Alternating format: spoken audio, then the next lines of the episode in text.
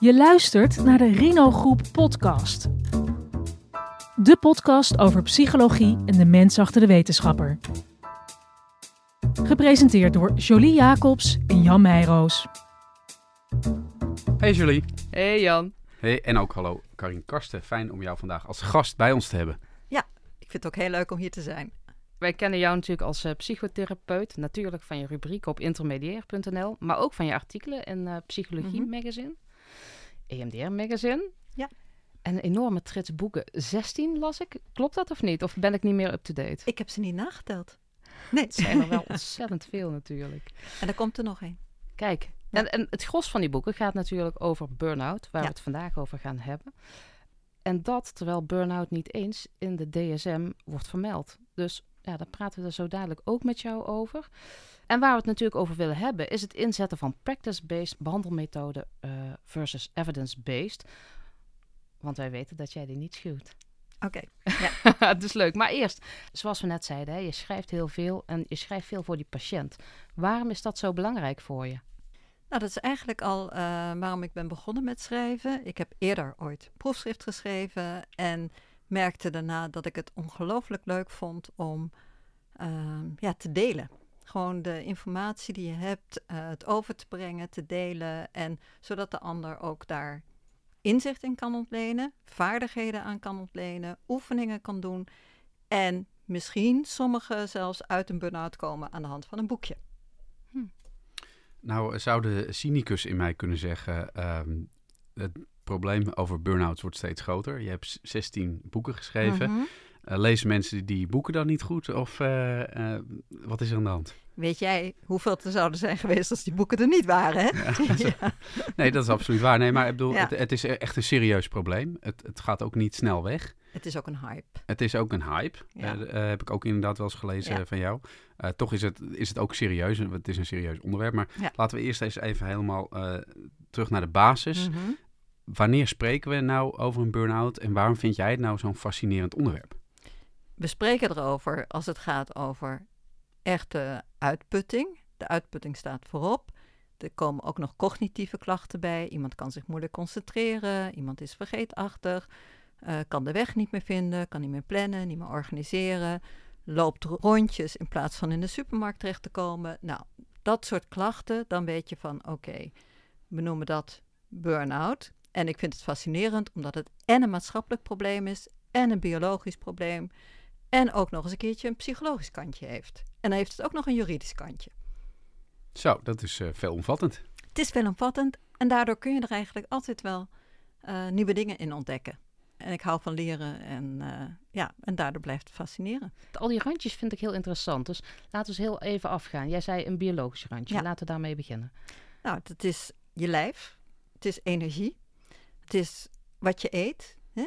Eten geeft je al energie, dus dat je ook dat facet meeneemt. Je neemt het slapen mee van iemand, je neemt het bewegen. Alle dingen die gewoon met het lijf te maken hebben. En ehm, wanneer voel je je veilig?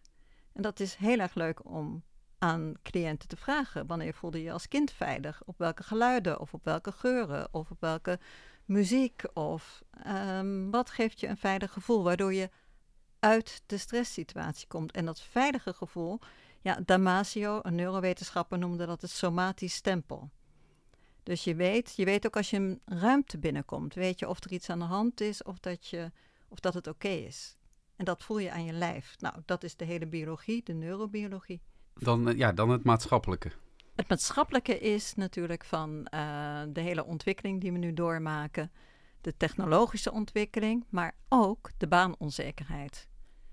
Hè, dat is toch een ontwikkeling van de afgelopen jaren geweest waarvan je denkt van ehm, dat, dat is niet prettig. Het is niet prettig ook voor jongeren om steeds bijvoorbeeld halfjaarcontracten te hebben of al zes jaar op losse contracten te werken, geen huis te kunnen kopen. Het is maatschappelijk ook omdat er geen huisvesting is. Nou, ja, iemand van in de dertig die nog bij ouders inwoont en een vriend heeft en dan weer bij. In, in België schijnt dat thuis heel normaal te zijn. hè? ja, In Italië ook. ja, maar goed, hier niet. Nee, Nee, hier wil je met z'n tweetjes gewoon ergens Ja, en huisvesting gewoon, kunnen ja, vinden. Precies, zelf Dus op eigen benen staan. stresssituatie. Nou, we kennen de financiële eh, stress die we hebben. Je kent het probleem nu van de toeslagenaffaire. Dus al die dingen zorgen voor stress. En is dat, ja, dat is dus gewoon heel maatschappelijk. Regels kunnen onmiddellijk tot stress leiden. Ja. En jij zegt ook dan, even daarop aanhakend, een juridisch kantje. Een juridisch kantje, dat vind ik ook een hele aardige. En daarom vind ik burn-out ook heel erg leuk. Ehm, werkgevers. Werkgevers zijn verantwoordelijk ook. Werkgevers hebben een zorgplicht. Hoe een manager leiding geeft, ehm, heeft heel veel impact of wel of niet ziekteverzuim van medewerkers. En ehm, er is wel onderzoek geweest dat burn-out voor 80% een probleem was van de managementstijl. En dan hebben we dus nog tenslotte het vierde kantje, die psychologische. Psychologische kant. Maar dat is een gevolg van de biologische kant dan, denk ik. het heeft er wel mee te maken natuurlijk, maar dat zit op veerkracht, op coping, op van hoe eh, pakt iemand een probleem aan, gaat iemand duiken, gaat iemand vermijden of is iemand in staat om het actief op te lossen of is het actief oplossen een soort vechten tegen de bierka, je gaat maar door, door, door totdat je er maar neervalt. Nou, die hele psychologische kant gecombineerd met eigenschappen, met eigenschappen die mensen gewoon van nature hebben, eh, bijvoorbeeld heel nauwgezet zijn of juist helemaal niet, slordig zijn. Ja, en de, eigenlijk de combinatie ook tussen menselijke behoeftes, hè, die heb je, menselijke behoeftes aan hechting en ehm, de mogelijkheden die het werk biedt. Is het dan dus die veelzijdigheid van burn-out wat het voor jou zo fascinerend maakt? Ja, ik denk dat ik het hartstikke eh, saai zou vinden als het eh, één aspect zou hebben. Als we even bij het begin beginnen, hè, we hadden het net over wat is dan eigenlijk een burn-out. Is dat heel eenduidig te definiëren? Het is neergezet vanuit een vragenlijst. Ooit. Amerika, Christine Maslach. En die onderscheiden uitputting, distantie van het werk en ehm verminderd competentie. Nou, als je die drie begrippen neemt, is Mhm. het behoorlijk eenduidig. Maar als je kijkt naar de klachten, dus dat is een ander niveau, Ja. bijvoorbeeld naar eh gewrichtsklachten of naar eh, concentratie of vergeetachtigheid, de cognitieve problematiek, of naar de uitputting, dan zie je een heel groot eh, spectrum van verschillende klachten. En dan is het bepaald niet eenduidig. En dan heb je nog een overlap met angstproblematiek. Je hebt nog een overlap met depressieve klachten. Posttraumatische stress kan nog een hele grote rol spelen. Die klachten zouden dus ook op iets anders kunnen duiden. Als je het vanuit Ja, die kant Daarom, benadert. Ja, ja, kijk, je hebt een, eh, dat heb je allemaal, eh, die neurobiologie kant. En je hebt allemaal dat je een fight-flight reactie hebt hè, op bedreiging. Dan wil je of vechten of vluchten, dus dat hebben we allemaal. Maar als eh, bijvoorbeeld je vechtreactie heel lang aanhoudt, dan kun je een angststoornis ook ontwikkelen. Of als je het idee hebt van wat ik ook doe, het helpt helemaal niet, kun je depressieve klachten ontwikkelen. Of als je verstand op oneindig zet en maar door, door, doorgaat, kun je burn-out ontwikkelen. Je zou kunnen zeggen dat het een soort verzamelbegrip is. Burn-out heb ik inderdaad ook wel meteen in mijn eerste boek van omgaan met burn-out als containerbegrip neergezet. En dat er in ieder geval een vastlopen is in de Want werksituatie. het, het gevaar daarin zit natuurlijk, wa- waar, jij, waar, Ja. waar we het in het begin over hadden, het is een hype. ja, En het wordt, net, het wordt ook wel, eh, het wordt bijna ook als een soort wegwerpbegrip gebruikt van, ik, weet je wat een gezeur krijgt bijna een burn-out van je ja tuurlijk toch? Ja. Ja. En, en, En er wordt ook gezegd, je hebt een ouder eh, parental burn-out. Ja. Dus het wordt ook op een hele andere manier... eh, je kunt opgebrand raken als ouder. Ja. Het wordt op een hele andere manier gebrukt. Maar het, wordt ook een beetje als scheld, het wordt ook een beetje als scheldwoord gebruikt van je eetje minder, doe eens release. Je lijkt wel, heb je soms last van een burn-out. Ja. Ja. Maar dan is het bijna een devaluatie van het woord geworden. Exact. Nou, de, de Wereldgezondheidsraad heeft wel een poging gedaan om tot een definitie gekomen. Ja. Maar in de DSM is een burn-out weer niet opgenomen. Wat heeft dat dan voor gevolgen voor de, voor de interpretatie en, en dus ook voor de diagnostiek en voor de behandeling door professionals? Ja, wat voor een gevolg heeft is als je kijkt naar huisartsen, bedrijfsartsen, die gebruiken vragenlijsten om het vast te stellen. Bijvoorbeeld de 4DKL. Maar het is, dat is ook lastig voor het onderzoek, want wat de ene burn-out noemt, noemt de ander misschien een depressie. Hoe diagnosticeer jij een burn-out dan? Want doe jij dat aan de hand van die, van die vragenlijsten? Ik kijk iets meer natuurlijk vraag ik wat is er aan de hand, wat is de context. Ik kijk of uh, Want uitputting voorop staat. Want sommige mensen die komen Ja. met jou al met de burn-out klachten. En nou ja, die zeggen dat ze burn-out Ja. zijn, hè? Oh ja, En, Ja. en, dan, en daarna... En dan ga ik wel kijken jij, of dat ja. wel waar is. Ja, Ja, ja. Maar is, die, is een burn-out altijd gerelateerd aan je werksituatie of omgeving? Nou, we spreken wel van gestructureerde activiteit. En dat heeft te maken met dat anders mensen eh, zich gedisqualificeerd voelen. Bijvoorbeeld mensen die mantelzorg verrichten, hè, of mensen met een gehandicapt kind en die daardoor heel erg uitgeput kunnen raken, die vinden het erg vervelend als bijvoorbeeld dan het. Het heeft ook een beetje status, burn-out, als het begrip burn-out dan niet voor die toestand wordt gebruikt.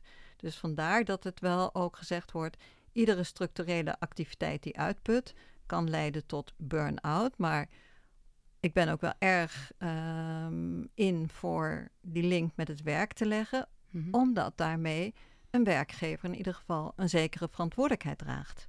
Maar, maar Ja. jij zegt dus, een burn-out is dan dus geen individueel probleem. Klopt dat? Het klopt helemaal, want ik zie daar ook een hele maatschappelijke kant aan en een werkgerelateerde kant. Als er andere maatregelen worden genomen, bijvoorbeeld op het werk, en ehm, er komt een e-mailverbod voor de avonduren, er komt een e-mailverbod voor de weekenden, zal het zeker uitmaken dat er minder mensen burn-out raken. Dus daarmee zie ik dus dat het en is van het individu, hoe hanteer jij je stress en je persoonlijke verantwoordelijkheid erin. Bijvoorbeeld ook dat je genoeg tijd neemt om te herstellen. En de verantwoordelijke kant van de werkgever. Van wat doe je met de mensen? Hoe zet je ze onder druk? En mail je ze bijvoorbeeld al om s- vier uur 's ochtends of nog om twaalf uur 's nachts en verwacht je antwoord. En dan is er nog de kant van de maatschappelijke kant van de politiek. Wat doen ze aan wetgeving? Het- Maar even nog over die Ja. altijd gerelateerd aan werk. Je hebt natuurlijk ook, het kan natuurlijk ook privé heel erg zwaar zijn, waardoor Tuurlijk. je dus op je werk minder presteert. Ja.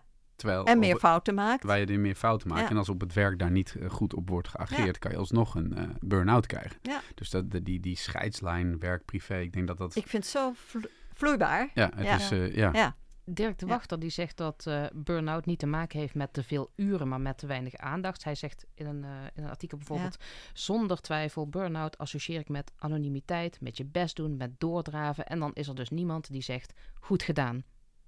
Hoe zie jij dat? Ik zie dat het eh, een rol kan spelen, de Mhm. waardering. Ik denk wel dat ehm, te veel werkdruk, hè, dus dat je maar door en door en door gaat.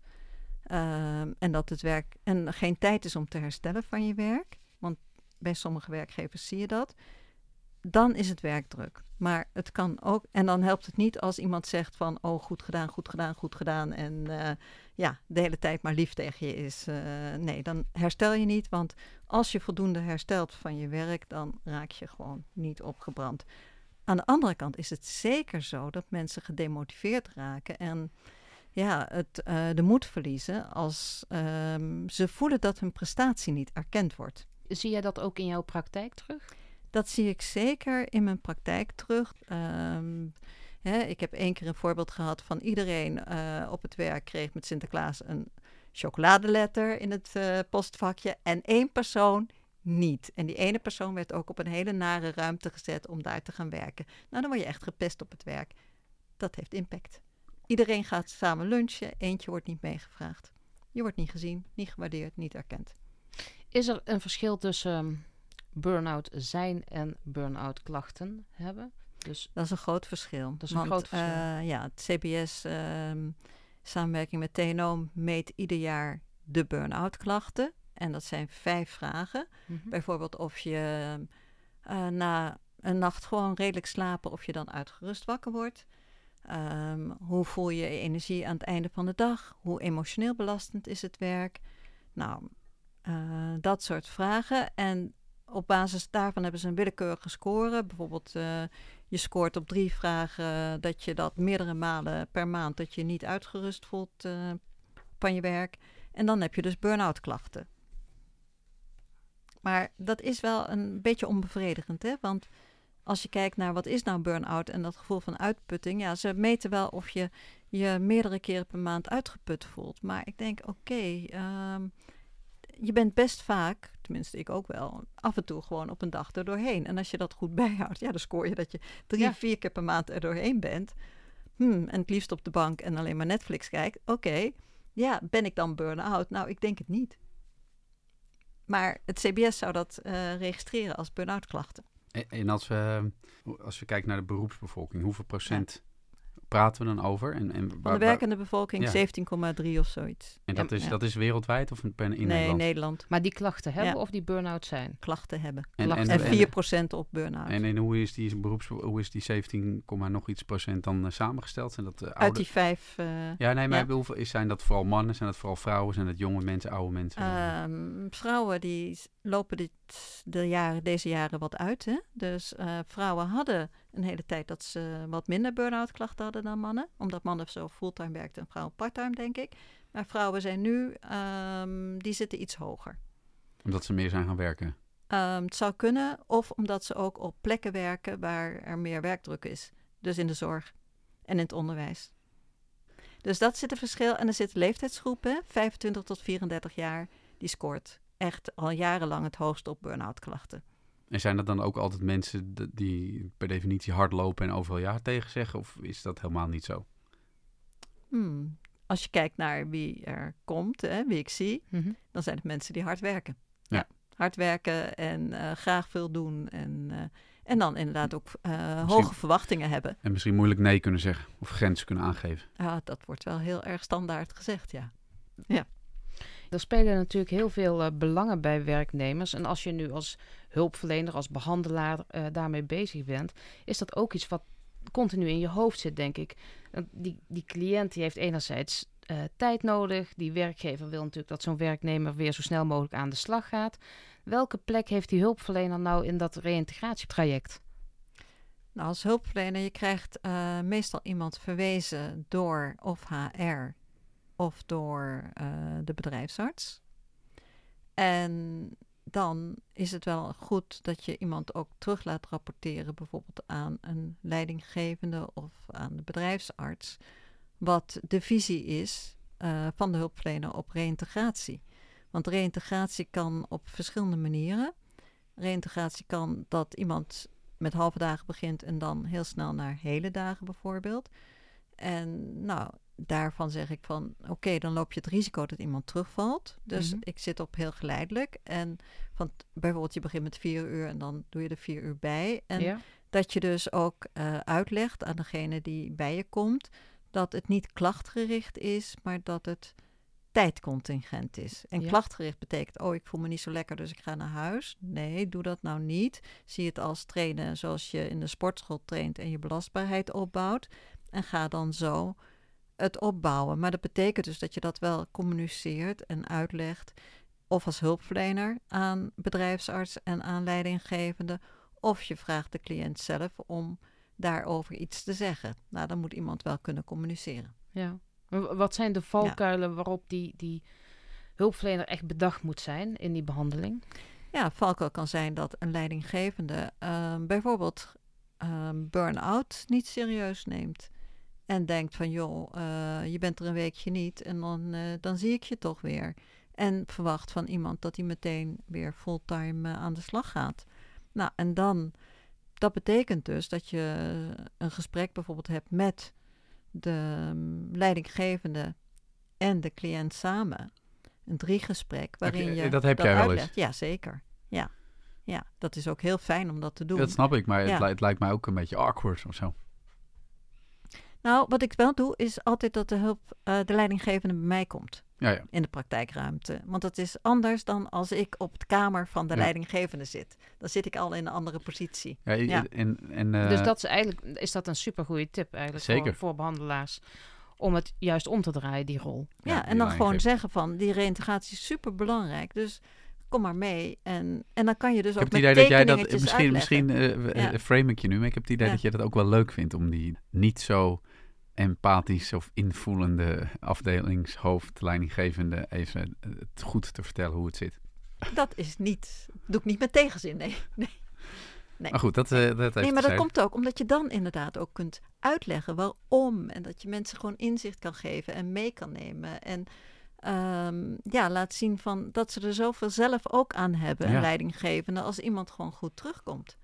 En je hebt er niks aan als iemand binnen de kortste keren weer uitvalt. Want dat is dan ook wel wat we weten. Als iemand snel weer uitvalt, dan is iemand nog veel moeilijker te motiveren. Want iemand durft niet meer. Nee. Iemand uh, durft niet meer te beginnen. Dus, uh, nee. Waar ik heel benieuwd Ja. naar ben, hè?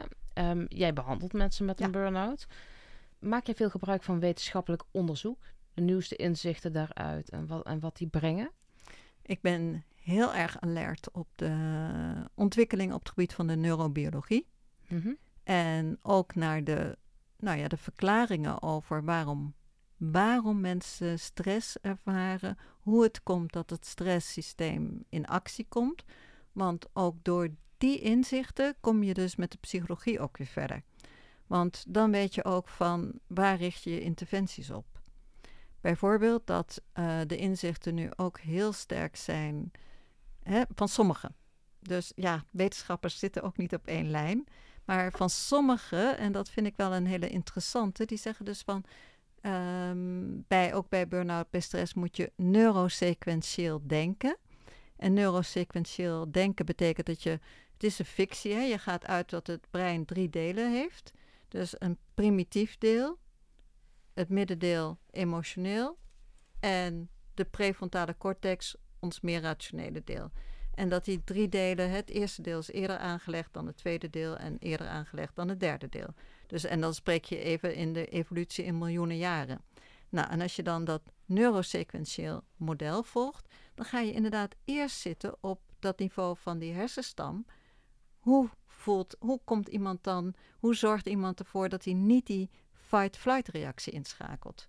Hoe zorgt iemand ervoor dat hij ehm, ja, zich prettig blijft voelen en veilig blijft voelen? Want als je dat kan, dan kan je daarna de emoties beter reguleren. En dan kan je ook nog eens een keertje anders er tegenaan kijken. Ja, en dan denk ik meteen, ehm, ligt er misschien ook een beetje aan eh, welk type je bent. Dirk Helhammer, een, Ja. een Duitse psychoneuroendocrinoloog, die Mhm. maakt ooit onderscheid tussen 24. ja, 24 verschillende stresstypen. Mhm. Dat onderzoek, dat bleek van eh, grote waarde te zijn. Ehm, hoe gebruik jij dat in de praktijk? Want jij hebt het over vier verschillende Vier. menstypen. De vier belangrijkste. Ja? Helhammer hij heeft een prachtig boek geschreven hoor, over de body-brain connectie. Alleen, ehm, ja, dat is echt de wetenschapper die mensen zet voor een panel dat helemaal uitgestreken gezicht gaat reageren. En dan heb je allemaal verschillende cortisolreacties. Nou, en je moet eigenlijk toch van een brug slaan tussen dat neurobiologische en het psychologische. En dan heb je, heb je wat aan die belangrijke indeling in vier types. Want er binnen die vier types zitten waarschijnlijk ook wel die 24 die hij onderscheidt. Nee, want dan kan je weer. Ja, je kunt mengvormen Ja, hebben precies. natuurlijk. Ja, je kunt allemaal mengvormen hebben. Want het is ook nooit helemaal. Je bent het ene. Want je kunt soms op sportgebied juist één type zijn. Terwijl je op werk een beetje de kantjes ervan afloopt. En dan ben je weer wat meer het andere type. Hey, welke vier Ja. zijn dit? Ehm, het type wat ehm, heel erg een springend veld is, Duracell konijntje versneld bij stress. Dus eh, heel erg actief wordt, turbotype noem ik het. Het type wat crasht bij langdurige stress. En dat type, dus het zou kunnen dat dat een beetje met dat voorbeeld eh, overeenkomt, eh, wat jij net noemde. Want dat type kan heel lang doorgaan en allerlei waarschuwingssignalen negeren. En dan komt er inderdaad iets van de druppel. En dan crasht iemand volledig.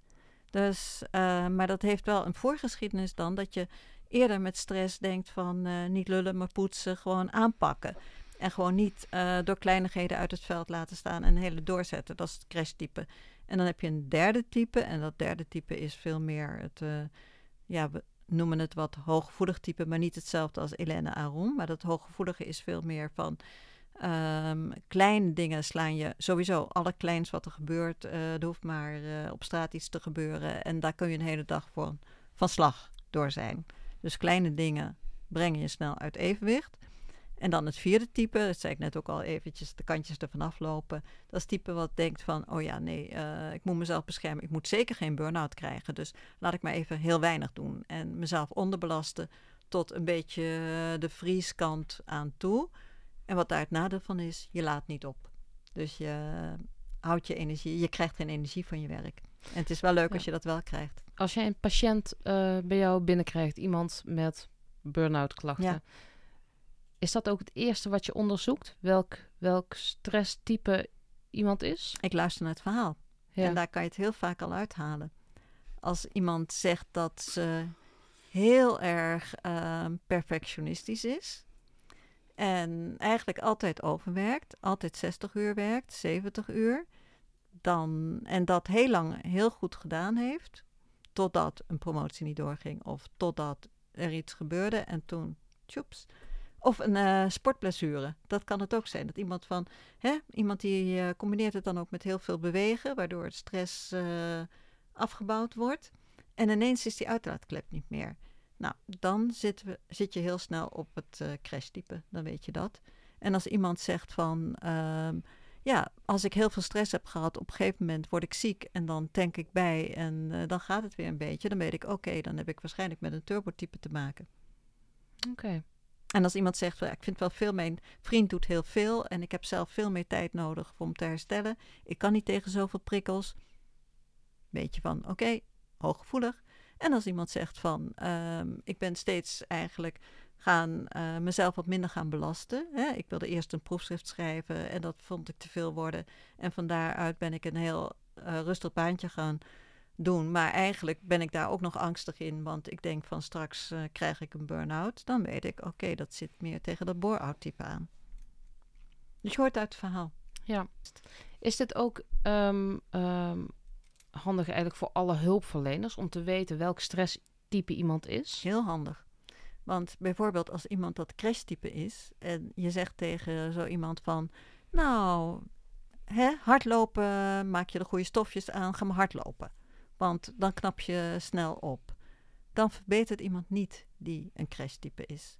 Dan wordt iemand er echt niet beter op. Iemand herstelt niet. Iemand kan na twee jaar, drie jaar nog steeds met dezelfde klachten rondlopen.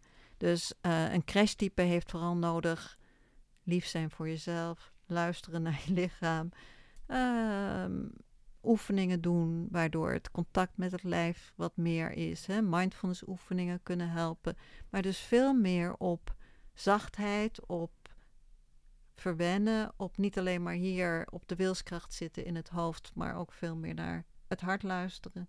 Dat is voor dat crashtype. Maar ja, Terwijl moet, ik bij een turbo zeg, ga maar even lekker rennen. Maar dat is best wel lastig, rennen. want je hebt het ook over gedragsverandering. En, uh, ja. uh, Soms heb ik ook de hulp nodig van de partner. Die gewoon dagelijks tegen iemand kan zeggen van... Uh, nou, weet dat je die oefening hebt gedaan. Eventjes in de stoel zitten, even ademhaling. En dan alleen maar letten op waar heb je zin in. Wat vind je leuk om te doen? Niet wat moet je doen, maar waar heb je zin in? En dat je dat gaat doen. En bij sommigen werkt het ook wel als ik zeg van niet een to-do-lijst maken, maar een fuck-it-lijst. Haha, mooi zeg, een fuck-it-lijst. Ja, ja, dat helpt ook. En ook dat dan als iemand weer terugvalt hè, in dat alles moet, toch weer even denken van, oh die fuck-it-lijst. Hey, jij, eigenlijk zeg jij dus, um, bijvoorbeeld dat wetenschappelijk onderzoek van, uh, van Helhanger, ja. dat, dat helpt je als behandelaar ja. heel goed. Maar wat ontbreekt er nou eigenlijk nog in het onderzoek naar burn-out? Wat, wat zou er nu voor een doorbraak kunnen zorgen? Niet alleen in de behandeling, uh, maar ook in de visie en meningen van mensen. Kijk, wat ik heel aardig zou vinden is, uh, want de behandeling wordt weinig uh, getoetst. Hè? En dat heeft ook wel te maken dat we met de diagnoses natuurlijk niet op één lijn zitten. En ja, en dat ook het begrip burn-out is afkomstig, is eerst neergezet, op de kaart gezet door arbeids- en organisatiepsychologen. En die werken ook weer anders dan klinisch psychologen. Dus we zitten gewoon niet op één lijn. En nou ja, ik denk als ze voor de DSM met dat overleg er ook niet uitgekomen zijn om op één lijn te zitten, dat dat heel erg lastig is. Dus misschien moet je dan aan de andere kant gaan werken. Mm-hmm. Dat je kijkt naar, oké, okay, welke met welke aanpak knapt iemand nou echt op? En is het zo, hè, dat zou natuurlijk heel erg fijn zijn als zo'n aanpak die geïntegreerd is, die en het lijf gebruikt en de emotieregulatie gebruikt en de cognitieve hantering en de zingeving helpt, en het sociale zit er ook wel bij, helpt zo'n programma nou om eruit te komen? En dan random toewijst, bijvoorbeeld je doet zo'n programma of je doet alleen cognitieve gedragstherapie bijvoorbeeld? Um, Ja, Dan zit je meer op, eh, pragmatisch zit je dan op, wat zou nou kunnen helpen? We weten, oké, we zijn er niet uit met wat burn-out is. Misschien kun je inderdaad bij alle behandelaren overeenstemming krijgen van we zetten de uitputting voorop. Mhm. Want dat, eh, dat onderscheidt het van een depressie bijvoorbeeld. Want dan staat een sombere stemming voorop. En dat onderscheidt het ook van angst. Want angst is van eh, ik voel me altijd opgejaagd en aanstaan en eh, nooit veilig. Ja. Dus dat je kijkt van oké, als we die categorie pakken met de uitputting voorop, met verder de cognitieve klachten, et cetera. Ja, en dan random toewijzen aan een paar programma's. En dan wat werkt of wat werkt niet. Ja, nu toch Thuis dan- zitten werkt niet. ja. Dus dat zou ik dan. En dan kan je variant doen van dat wat vaak gezegd wordt. Doe maar rustig aan en ga thuis zitten. Geen structuur, niks wordt meegegeven. Ja. ja, we hebben het nu eigenlijk ook, ook wel, eh, als ik dan een bruggetje mag maken Ja. naar behandelmethoden. Ja. Eh, en je had het zojuist bijvoorbeeld angst. Ehm, eh, dat kan ook een oorzaak zijn van een burn-out. En dan zit ik, maak ik meteen in mijn hoofd al eigenlijk een, een bruggetje naar traumatherapie. Maar gebruik je tijdens de behandeling dan bijvoorbeeld ook traumatherapie? Ja, ik gebruik zeker de traumatherapieën, snelle Mhm. traumatherapieën ook. De EMDR gebruik ik ervoor en de nieuwere flashtechniek of VSDT of ook wel Woosh genoemd. Ja. Die gebruik ik voor. Ehm, wat staat er je nou bijvoorbeeld in de weg om eh, beter voor jezelf te zorgen? Dus bijvoorbeeld iemand, ehm, en dat zijn dan vaak, en daar zit ik wel op die lijn ook van Dirk Wachter, eh, er zijn vaak hechtingstrauma's. Dus mensen zijn verwaarloosd in de jeugd en eh, zijn niet erkend in hun jeugd. En, ehm, en zoeken bijvoorbeeld de hele tijd maar door die erkenning op het werk, terwijl dat niet gegeven wordt. Maar, eh, En dan ga je zo'n hechtingstrauma behandelen met zo'n. Maar emotionele verwaarlozing, als ik het eh, eh, me goed herinner, staat niet als trauma omschreven, toch? In de DSM adverse 5. events. Dus het is wel het, ehm, de tegenslag. De nadelige gebeurtenissen, daar hoort het wel bij. Dus je hebt de trauma's en adverse childhood events. Mhm. En ook als je bijvoorbeeld eh, veel gepest bent in je jeugd, dat, je dan op je werk eh, laten zien, eh, ik, ben, ik ben Bink, ik, eh, ik kan het allemaal aan. Bijvoorbeeld. Of je trekt je juist heel terug en je bent overgevoelig, reageer je, voelt je altijd afgewezen. Of je kunt niet met kritiek omgaan. Maar jij noemde net bijvoorbeeld VSDT. Ja. Ehm, is niet evidence-based. Nog niet. VSDT is dus wel onderzocht, hè? Het is dus, ehm, het is dus vergeleken met EMDR. Mhm. En het is dus niet bij patiënten onderzocht, maar het is wel bij studenten onderzocht. Ja. Onderzoek, recente onderzoek is, dacht ik, 2021. Maar als ik me Ja. niet vergis, ehm, eh, jij, jij behandelt mensen met, hè, met behulp van VSDT. Ja, Ehm, is, ja en dat ik jou, noem het dan Bush. Ja, is, is het jou ook wel op kritiek komen te staan? Ook, zeker. ook door de wetenschappers zelf zeker. die daarmee bezig Ook zijn? omdat het niet op patiënten is. Mhm. Ehm, randomized control, dus Ja. het goede, hè, of het goede tussen aanhalingstekens onderzoek, zo is het niet onderzocht.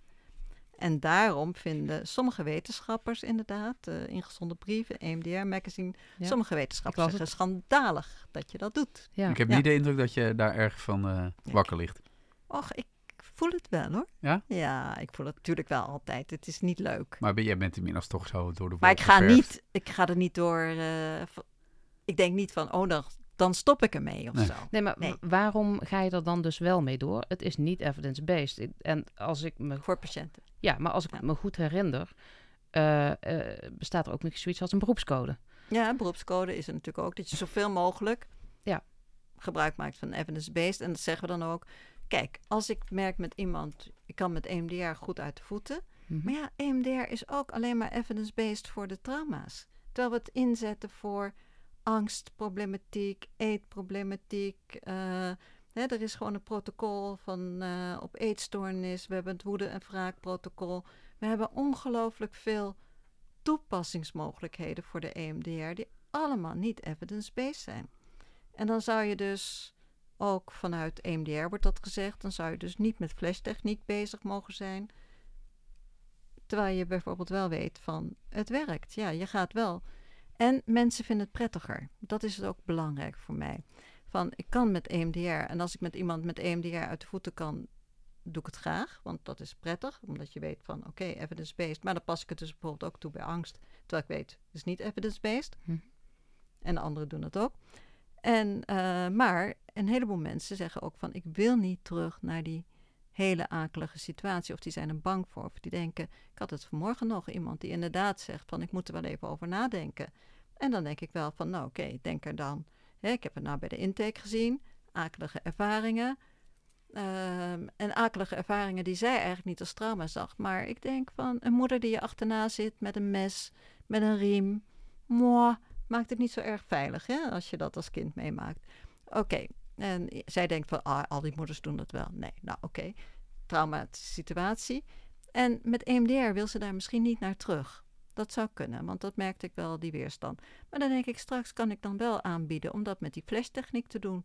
En met die flashtechniek hoeft ze niet het op scherp te stellen. Ze hoeft er niet weer helemaal in terug, want ze is een beetje bang. Deksel van de beerput en controleverlies. Hè? Redt ze het dan nog wel?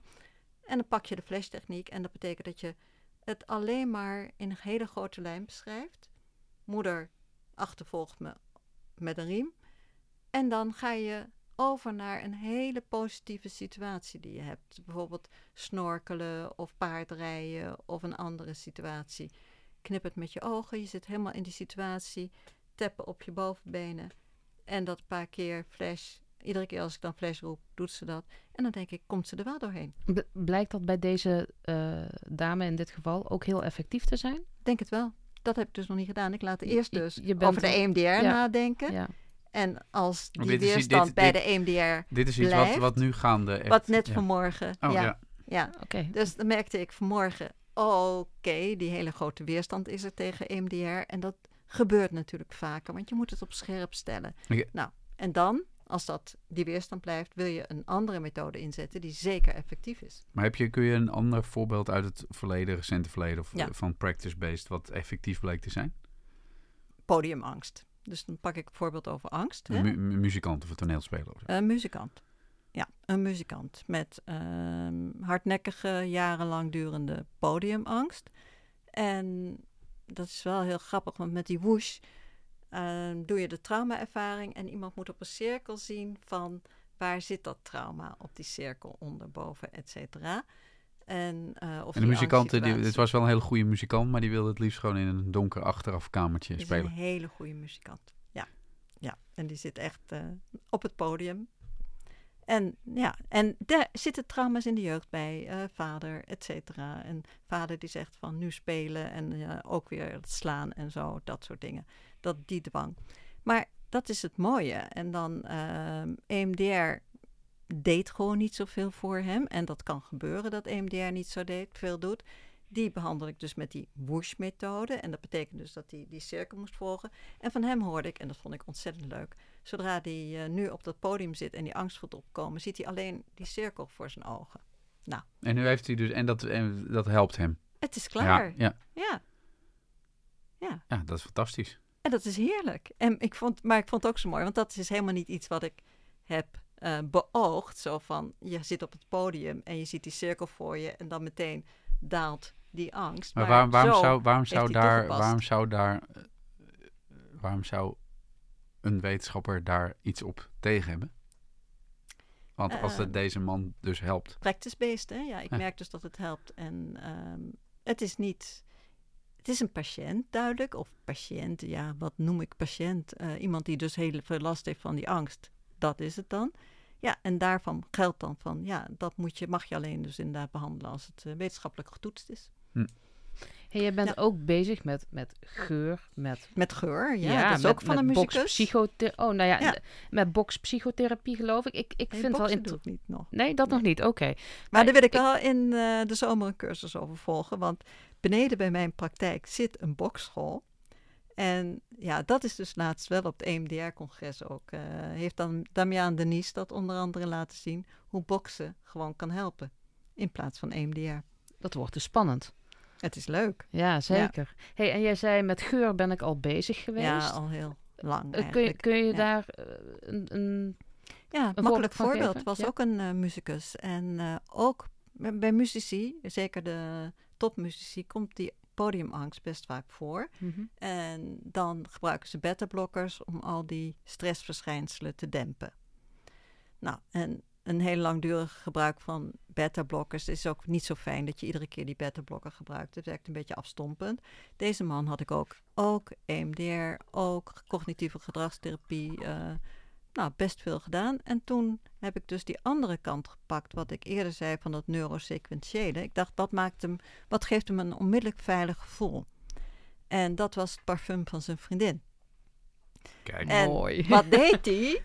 De flesjes parfum van zijn vriendin nou in zijn eh trompetkoffer meenemen. En, die, eh, en hij gebruikt geen beta-blokker meer. Nou, het is natuurlijk een stuk beter om parfum te gebruiken dan een beta-blokker.